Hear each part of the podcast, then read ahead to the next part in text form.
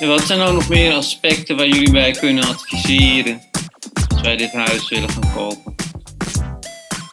Nou ja, waar je even op zou moeten letten. Kijk, zeker in een stad als Amsterdam heb je nog steeds monumentale woningen. Dus dat houdt in dat uh, uh, je kan bijvoorbeeld een rijksmonument hebben.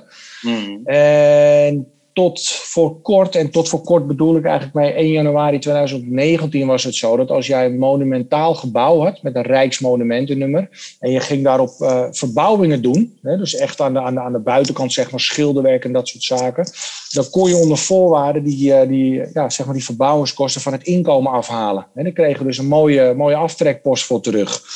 Alleen die aftrekpost die sinds 2019 is die komen te vervallen. Hè, dus die is uit de fiscale uh, aangifte gehaald en die is vervangen door een soort van subsidieregeling die je eigenlijk per eigen gemeente moet gaan aanvragen.